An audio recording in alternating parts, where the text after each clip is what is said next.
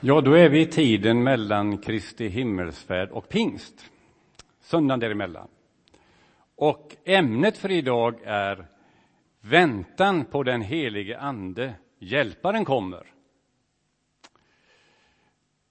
Det var det som eh, Jesu lärjungar höll på med efter det Ulla läste och berättade om himmelsfärden. Då skulle de vara på den vanliga platsen och de skulle vänta på den helige Ande.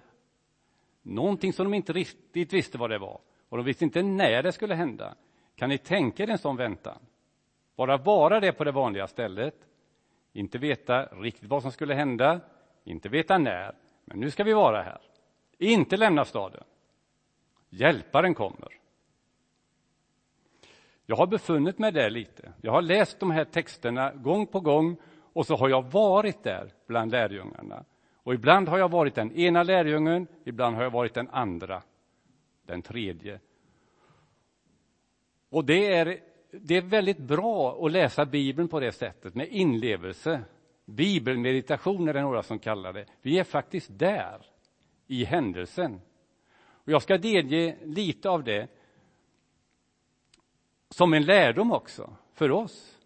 När vi väntar på någonting, att Gud ska göra någonting nytt i våra liv, lämna inte din plats. Fly inte någon annanstans där du tror att det kan hända. Det kan hända här. Vänta. Och det kommer att hända. Där, där du befinner dig. Jag var Petrus. Och Petrus var besviken på sig själv. Han trodde att han var modig, att han hade kraften. Men sen hade han förnekat och sagt att nej, jag känner inte ens Jesus. Och så säger han till de andra lärjungarna, jag fattar nu att jag behöver det som han pratade om. Jag behöver verkligen hjälpen. Och vi ska vänta här, har han sagt, till vi blir iklädda kraft, till vi blir rustade med kraft.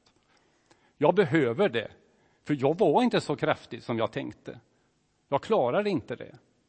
Och Petrus visste mycket väl vad det innebär att vara klädd på rätt sätt. Han var klädd på ett sätt när han fiskade, han var klädd på ett annat sätt när han träffade folk.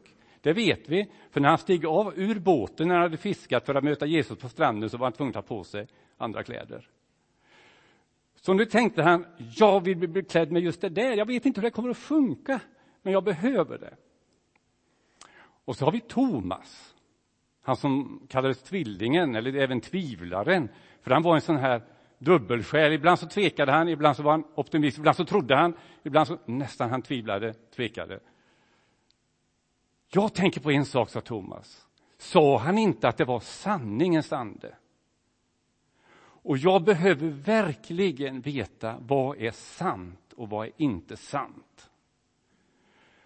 Och det ska bli underbart att få sanningens ande. Då behöver jag inte vackla kanske lika mycket. För han sa att sanningens ande skulle leda oss framåt. Ja, men jag, jag väntar.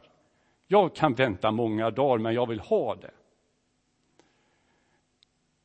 Ja, sen har vi Johannes som själv kallar sig för den lärjunge som Jesus älskade. Och det tar han lite fel. Ja, han tar inte fel, men han var inte den enda som Jesus älskar, för han älskar alla lika mycket. Men hans känsla var Jesus älskar verkligen mig. Och det var han som lutade sig mot Jesu bröst den sista måltiden. För han ville vara så nära som möjligt, han ville höra de sista orden så. Han förstod att någonting var i görningen. Han lutade sig mot Jesus hjärta. Och han sa så här, sa inte Jesus om den där anden som skulle komma, att han var tröstaren, hjälparen som skulle trösta oss. Vi behöver verkligen tröst nu. Han har lämnat oss. Vad händer? Vem ska vi luta oss till nu? Ja, men om han kommer, hjälparen, då kan vi luta oss mot honom. Jag vill vara med, sa Johannes. Ja, sen var den ene efter den andra. Eh, jag var också Andreas eh, som sa så här, nej men jag börjar nästan att glömma en del vad Jesus sa och gjorde. Det hände så mycket på de här tre åren Hur ska vi komma ihåg allt? Men då kommer jag ihåg att han sa att när, den, när anden kommer, då ska han påminna oss om vad, allt vad Jesus har sagt och gjort. Jag vill ha den där hjälpen. Tänk att bli påmind om det när vem bäst behöver det, om att livet är jobbigt. Nu behöver jag de där orden. Då kommer anden att påminna mig om att Jesus sa det och det ordet till hjälp och tröst. Jag vill absolut vara med, sa Andreas. Nu ska vi inte ta alla tolv, för då orkar inte med. Men jag har varit den ene efter den andra. Så är det. Och så har jag min egen berättelse. Det är inte så länge sedan, men det är ändå ganska länge sedan som jag gjorde en väldigt specifik erfarenhet av den helige Ande. Kanske första tillfället så det blir väldigt överväldigande. Det är 50 år sedan. Tänk en ung tonårsgrabb få göra en sån erfarenhet av den kraften. Jag hade inte varit densamme idag om jag inte hade gjort det. Och nu vet jag mycket väl att detta inte händer bara vid några speciella tillfällen, utan tanken är att den heliga Ande ska vara vår kraft hela tiden, varje dag. Så lika naturligt som vi tar på oss kläderna på morgonen så iklär vi oss den heliga Ande och den hjälpen för den dagen. Detta är min inledning, vänner.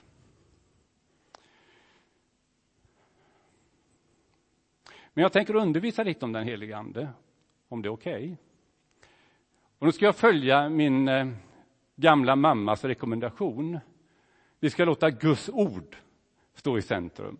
Så jag har valt ett antal bibelställen som förstärker det lilla vittnesbördet som jag har sagt nu.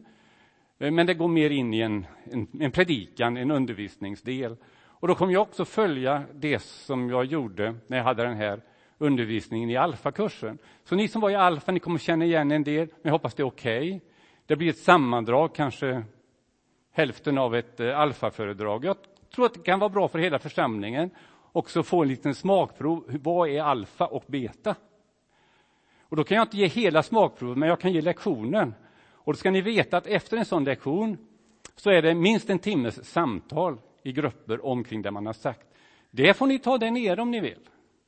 Eller ni får ta hjälp av samtalarna i församlingen här som är Folke och Miriam Högbacka sen om ni har några frågor och ni vill utveckla. Eller ta det med mig om ni tycker något är konstigt. Det som är så bra med Alf, om man säger något som är konstigt, då kan man reda ut det i samtalet sen. Så det är jättebra. Egentligen skulle alla församlingsmedlemmar gå Alfa. Jag skrev det en gång i ett församlingsblad och Sture nappade på det. Jättebra. Ta Sture som eh, förebild och gå Alfa.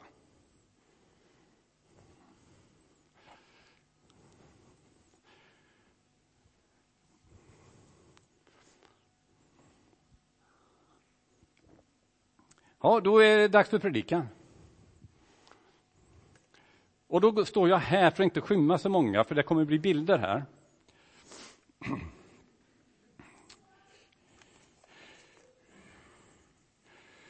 Eh, och vi kanske kan rent av starta det här Powerpoint nu.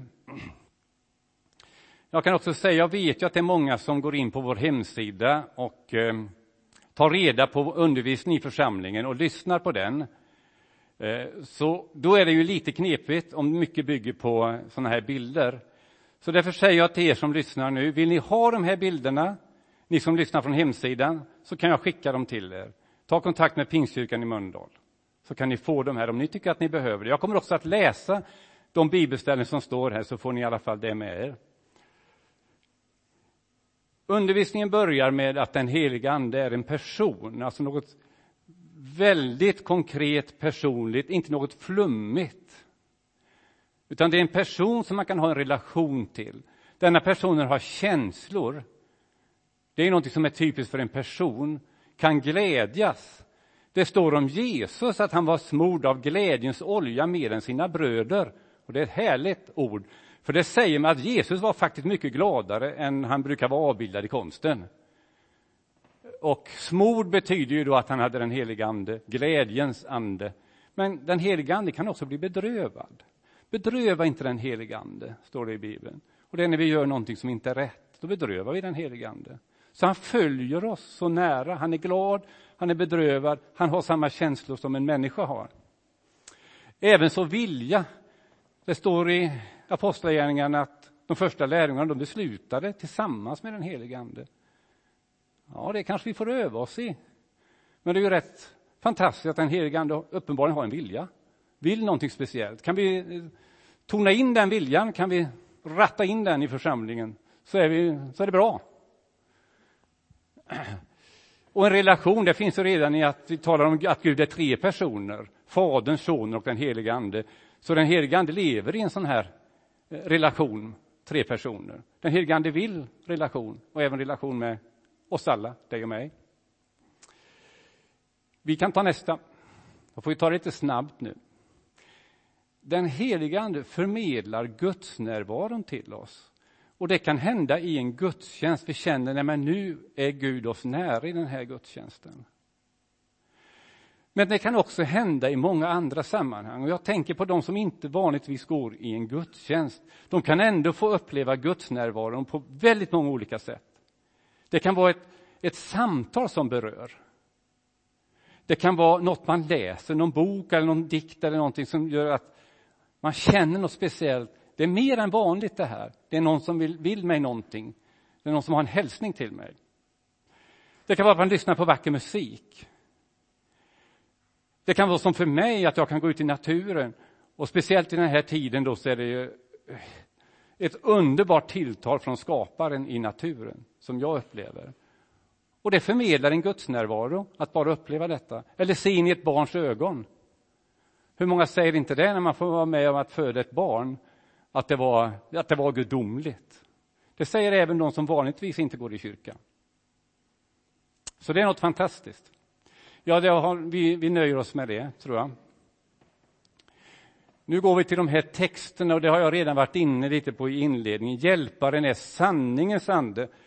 När Jesus själv karaktäriserar hjälparen så säger han oftast att det är sanningen som är kriteriet, som är liksom karaktären hos den här hjälparen. Det är sanningen. Och då har vi de här orden och jag läser dem därför att eh, de som lyssnar på hemsidan ska få det också. Och jag ska be Fadern att han ska ge er en annan hjälpare som alltid ska vara hos er. Sanningens ande är det, som världen inte kan ta emot, ty världen ser honom inte och världen känner honom inte. Ni känner honom eftersom han blir hos er och ska vara i er. Det var från Johannes 14, 16-17. Vi läser vidare från Johannes 16, vers 7-11. Men jag säger er sanningen, det är för ert bästa att jag lämnar er, ty om jag inte lämnar er kommer inte hjälparen till er. Men när jag går ska jag sända honom till er, och när han kommer skall han visa världen vad synd och rättfärdighet och dom är. Eh, de tre sakerna går jag inte in på, det gjorde jag i Alfa, men det gör jag inte här. För det. Men det är alltså frågan om vad är sanning här? Sanningen om vad är synd, vad är rättfärdighet och dom?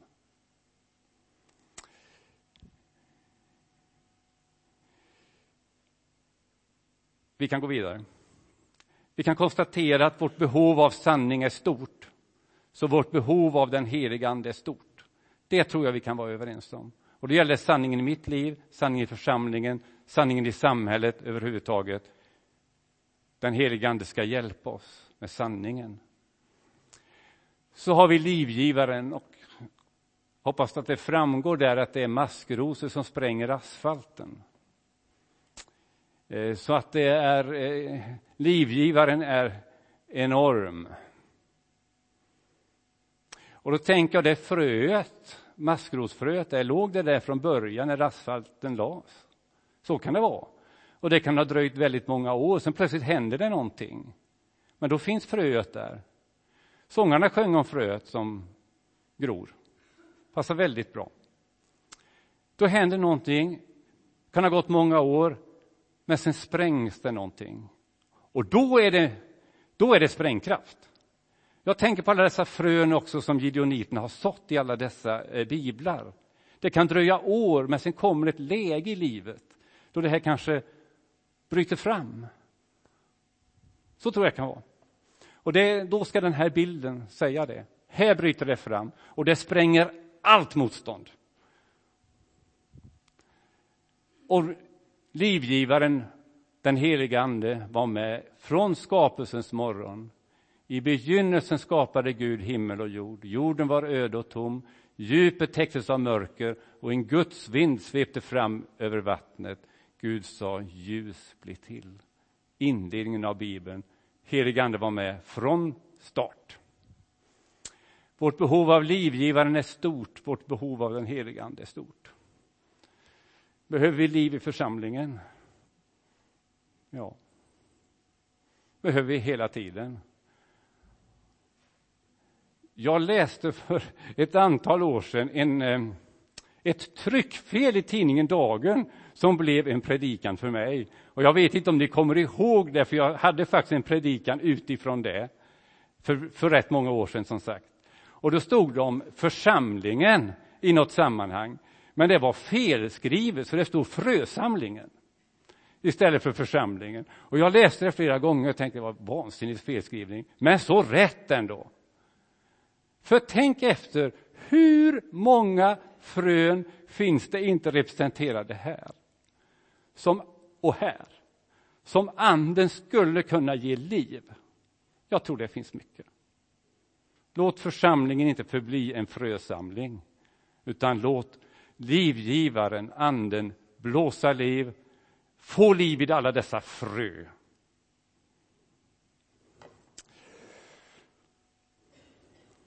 Vi tar nästa, ja. Ja, kraft är det. Och det är ordet dynamos som får oss att tänka på att det är ingen liten kraft, utan kanske en enorm kraft. Någon kanske tänker på dynamit, och det är inte en svag kraft. Men det, vi kan också tänka på dynamon där, på cykeln. Den är kanske inte jättekraftkälla just, men den har en stor betydelse. Jag har en liten berättelse om den där dynamon. Det var från min far. Då. Förr så var de här dynamorna inte särskilt bra. De var enormt tröga. Jag har också testat det.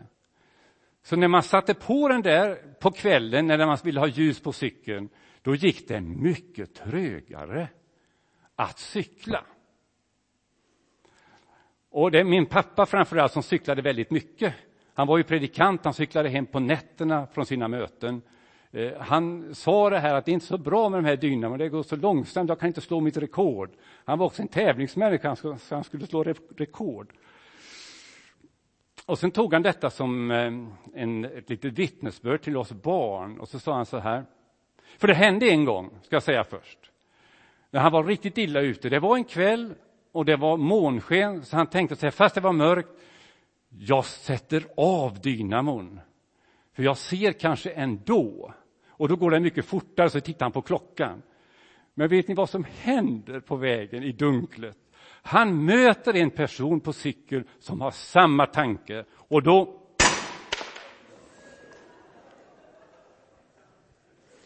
Jag visste inte att det skulle bli en sån effekt med ljusen där.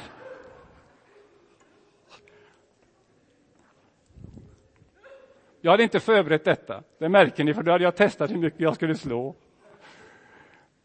Ja, det hände ingen större olycka, men det var så att styrena slog emot varandra, så det blev en rejäl smäll i mörkret som ekade bland bergen, kunde min pappa berätta så levande. Och så sa han pojkar, det var till mig och min bror.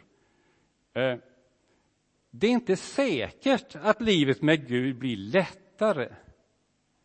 Det kan till och med bli så att det krävs lite mera kraft. Det kan rent av vara jobbigt. Men det är mycket bättre. Det är inte säkert att det är ett lättare liv, men det är ett bättre liv. För sätter man på dynamo så går det trögare, men man ser ju och man blir sedd. Så det är en fördel med det, fast det kan vara lite jobbigt. Och jag tänkte på alla dessa lärjungarna som jag försökte berätta lite om. Hur många av dem, enligt traditionen, så blev de flesta martyrer. Det är klart att i ett perspektiv så hade deras liv blivit enklare om de inte hade satsat på den helige Ande. Men då hade vi inte varit här. Så det är ett bättre liv att ta tag i kraften, inte ett lättare liv. Det var vad min pappa ville lära oss med den här brutala händelsen. Ta den till er, om ni tycker att det är visdom i det, så behåll det. Vi kan i alla fall säga att vårt behov av kraft är stort, så vårt behov av den heliga Ande är stort. Vi tar nästa. Och här ska jag inte prata så länge som jag brukar. Det finns väldigt många ord här. Men man kan säga att ett kärt barn har väldigt många namn. Och det har faktiskt den helige Ande. På grekiska så används det här lite jobbiga ordet parakletos. Det ligger inte bra i, i våra öron. Det låter inte, men det är fantastiskt ord om man tittar på innebörden. Eh, framförallt så kan man säga att det är tröstaren. Men man kan säga att dess uppgift är alla de här sakerna. Att uppmuntra, styrka, lindra, trösta, lisa, vederkvicka, lätta, hugsvala. Nu beror det lite på vilken ålder vi tillhör, om vi tycker att de här orden säger oss någonting. Hugsvala säger mig en hel del. För vi hade såna härliga sånger i, i segertonen som var hugsvalaren är här. Och så. Eh, så ta de ord som passar er. Likadant med funktionen så är det, det är en förespråkare, det är en advokat, det är en rådgivare, det är en vägledare, det är en förebedjare, själavårdare, mentor, guide, coach eller vad ni vill säga, ni som är lite mer moderna. Då. Allt detta är ordet parakletos som kan översättas i en sån enorm mångfald, en sån rikedom. Detta är den helige Ande. Är det inte fantastiskt att ha en sån hjälpare med allt detta? Jag brukar också ta den här kontrasten för att förklara det här ordet. Para betyder bredvid, nära. Vi har ju parallella gator och allt sånt där. Ni förstår det ordet para, grekiska ordet para. Och vi har det parasit som ligger otroligt nära sitt värdträd, men som tar kraft. Parakletos ger kraft istället, så det är motsatsen till parasit. Det kan ni få komma ihåg. Så ni har den kraftkällan där. Så vårt behov av den heliga Ande är stort. Den läkande trösten för sårade, sargade människor till en sårad och sargad värld. Det behöver vi. Det finns ett ord i Apostlagärningarna som jag inte tog med där, av platsskäl, men jag kan läsa det. En tid efter, i Apostlagärningarna, efter pingsten, så står det så här. Församlingen hade nu lugn och ro i hela Judeen, Galileen och Samarien. Den blev uppbyggd och levde i Herrens fruktan och växte till genom den heliga Andes tröst och förmaning. Hade ni väntat till det? Att det var just genom tröst och förmaning som den helige Ande fick församlingen att växa. Vilka tillväxtfaktorer har vi i församlingen? Ja, det är tröst och förmaning. Ja, vi kan säga att det är diakonin då är väldigt viktig trösten. Förkunnelsen är väldigt viktig, för det finns en, eh, en förmaning i det. Tröst och förmaning är tillväxtfaktorer för församlingen. Ja, vi tar nästa.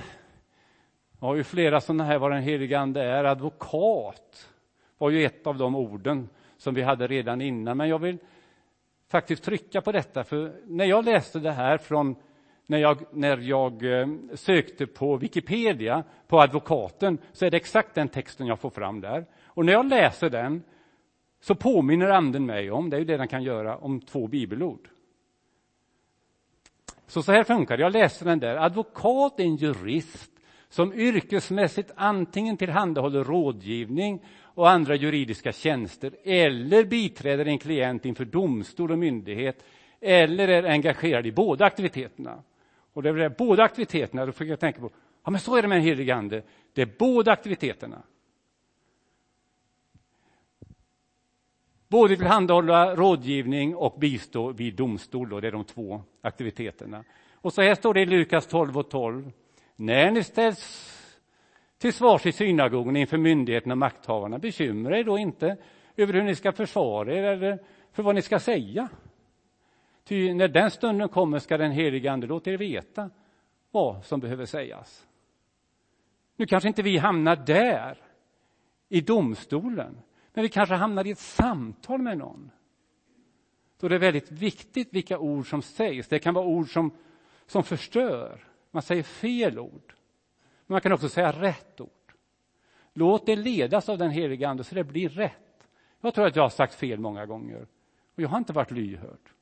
Men det finns den möjligheten. Ta vara på hjälpen. Han ska rådge er i alla sådana situationer. På samma sätt är det när Anden stöder oss i vår svaghet. Vi vet ju inte ens hur vår bön egentligen ska vara, men Anden vädjar för oss med rop utan ord. Och han som utforskar våra hjärtan vet vad Anden menar eftersom Anden vädjar för de heliga så som Gud vill. Okej, okay. vår bön kan vara tyst, men Anden hjälper oss inför Gud, säger texten.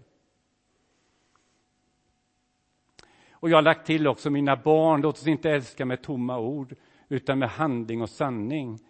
Då förstår vi att vi är sanningens barn och om vårt hjärta fördömer oss kan vi inför honom övertyga det om att Gud är större än vårt hjärta och förstår allt. Hur många av oss har inte hamnat i den situationen att vi själva dömer oss? Vi tycker att vi räcker inte till. Känner ni igen er? Jag tror vi gör det alla. Men då har vi den heliga Ande som ska hjälpa oss att säga ni är inte fördömda, ni ska inte tänka så nedlåtande på er själva. Tvärtom. Fördöm er inte. Ert hjärta ska inte fördöma er. Utan Gud är större än vårt hjärta och förstår allt. Så vårt behov av försvararen är stort. Vårt behov av den heliga Ande är stort. Vi har den sista här. Eh, som eh, vi skulle kunna ha en hel predikan. Jag tror vi hade det i en serie som vi hade för två år sedan, Anders Jansson och jag. Då hade vi varje del här som, som en hel predikan. Men låt mig ändå påminna om gåvogivaren. Och då har vi i vår församlingsledning har vi studerat den där gåvornas tre färger, färger som är från naturlig församlingsutveckling, ledarutveckling. Jag bara säga att det är många fler gåvor än vad jag trodde från början. Här går man igenom 30 olika gåvor som kan vara till tjänst för människor och församlingen. Och en hel del av dem är inte de vanliga som man brukar nämna, utan det är till exempel gåvan att uppmuntra, det kan vara gåvan att dela med sig, det kan vara gåvan att trösta, det kan vara gåvan att organisera och få andra i funktion. Allt detta är andliga gåvor. Och vi har det kanske i vår personlighet, men den heliga Ande kan utveckla det. Det lilla fröet som finns där i vår personlighet. Låt det blomma ut och bli den heliga Andes gåva, just denna, som du ändå har att tjäna församlingen. Musikens gåva har vi fått idag. Och tjänandets gåva. Gideoniterna. Ja, vi har det representerat i vår gudstjänst. Självklart är det så. Nådegåvorna är olika, men anden densamma. Tjänsten är olika, men Herren densamma. Verksamheten är olika, men Gud är densamme. Han som verkar i allt och överallt. Hos var och en framträder anden så att den blir till nytta. Alltså det här med den heliga ande är så långt ifrån flum som man kan tänka sig. Det alltså verkar så alltså, det blir till nytta. Det är mycket konkret, relaterat till tjänst och verksamhet av olika slag. Tjänst och verksamhet är inget dåligt om den heliga ande leder oss in i det. Det är jättebra. Så vårt behov av gåvorna är stort och vårt behov av den heliga ande är alltså stort. Kanske är det så, troligen skulle jag vilja hävda, att vårt behov av Andens gåvor och Andens frukter är församlingens största behov. Sen vill jag avsluta här med gåvornas rätta bruk från några pingstpionjärer, hur de såg på det här med gåvorna. Då har vi William Seymour, han som var pastor i ehm, Los Angeles, Azusa Street, har ju vi pingstvänner naturligtvis hört talas om 1906, den moderna pingstväckelsens början. Låt mig citera honom för att få det rätta perspektivet. Och observera att det är denne pingstpionjären som säger så här. Tungotal är ett av de tecken som följer varje människa som blir döpt i anden. Men det är inte det sanna beviset på dopet i vardagslivet. Om du blir vred, talar illvilliga ord eller förtalar andra spelar det ingen roll hur många språk du talar i tungor. Du är ändå inte döpt i den helige Ande. Pingsten får oss att älska Jesus mer och att älska våra systrar och bröder mer. Den gör oss alla till en enda familj. Det var Seymour. Sen har vi Levi Petrus, för att ta en svensk pingstpionjär. Eh, Han säger så här. Den kristnes mål är inte att bli så andlig som möjligt, utan så mänsklig som möjligt i den helige Andes kraft. Så den helige Andes kraft är till för att göra oss mänskliga. Och han levde verkligen upp till det. Tänk att han startade LP-stiftelsen. Levi Petrus, LP, stiftelsen. Att möta människor där de befinner sig, det är vad anden vill leda oss till. Så Åbydagen igår var ett starkt uttryck för den helige Andes verk eh, genom Pingstkyrkan i Mölndal.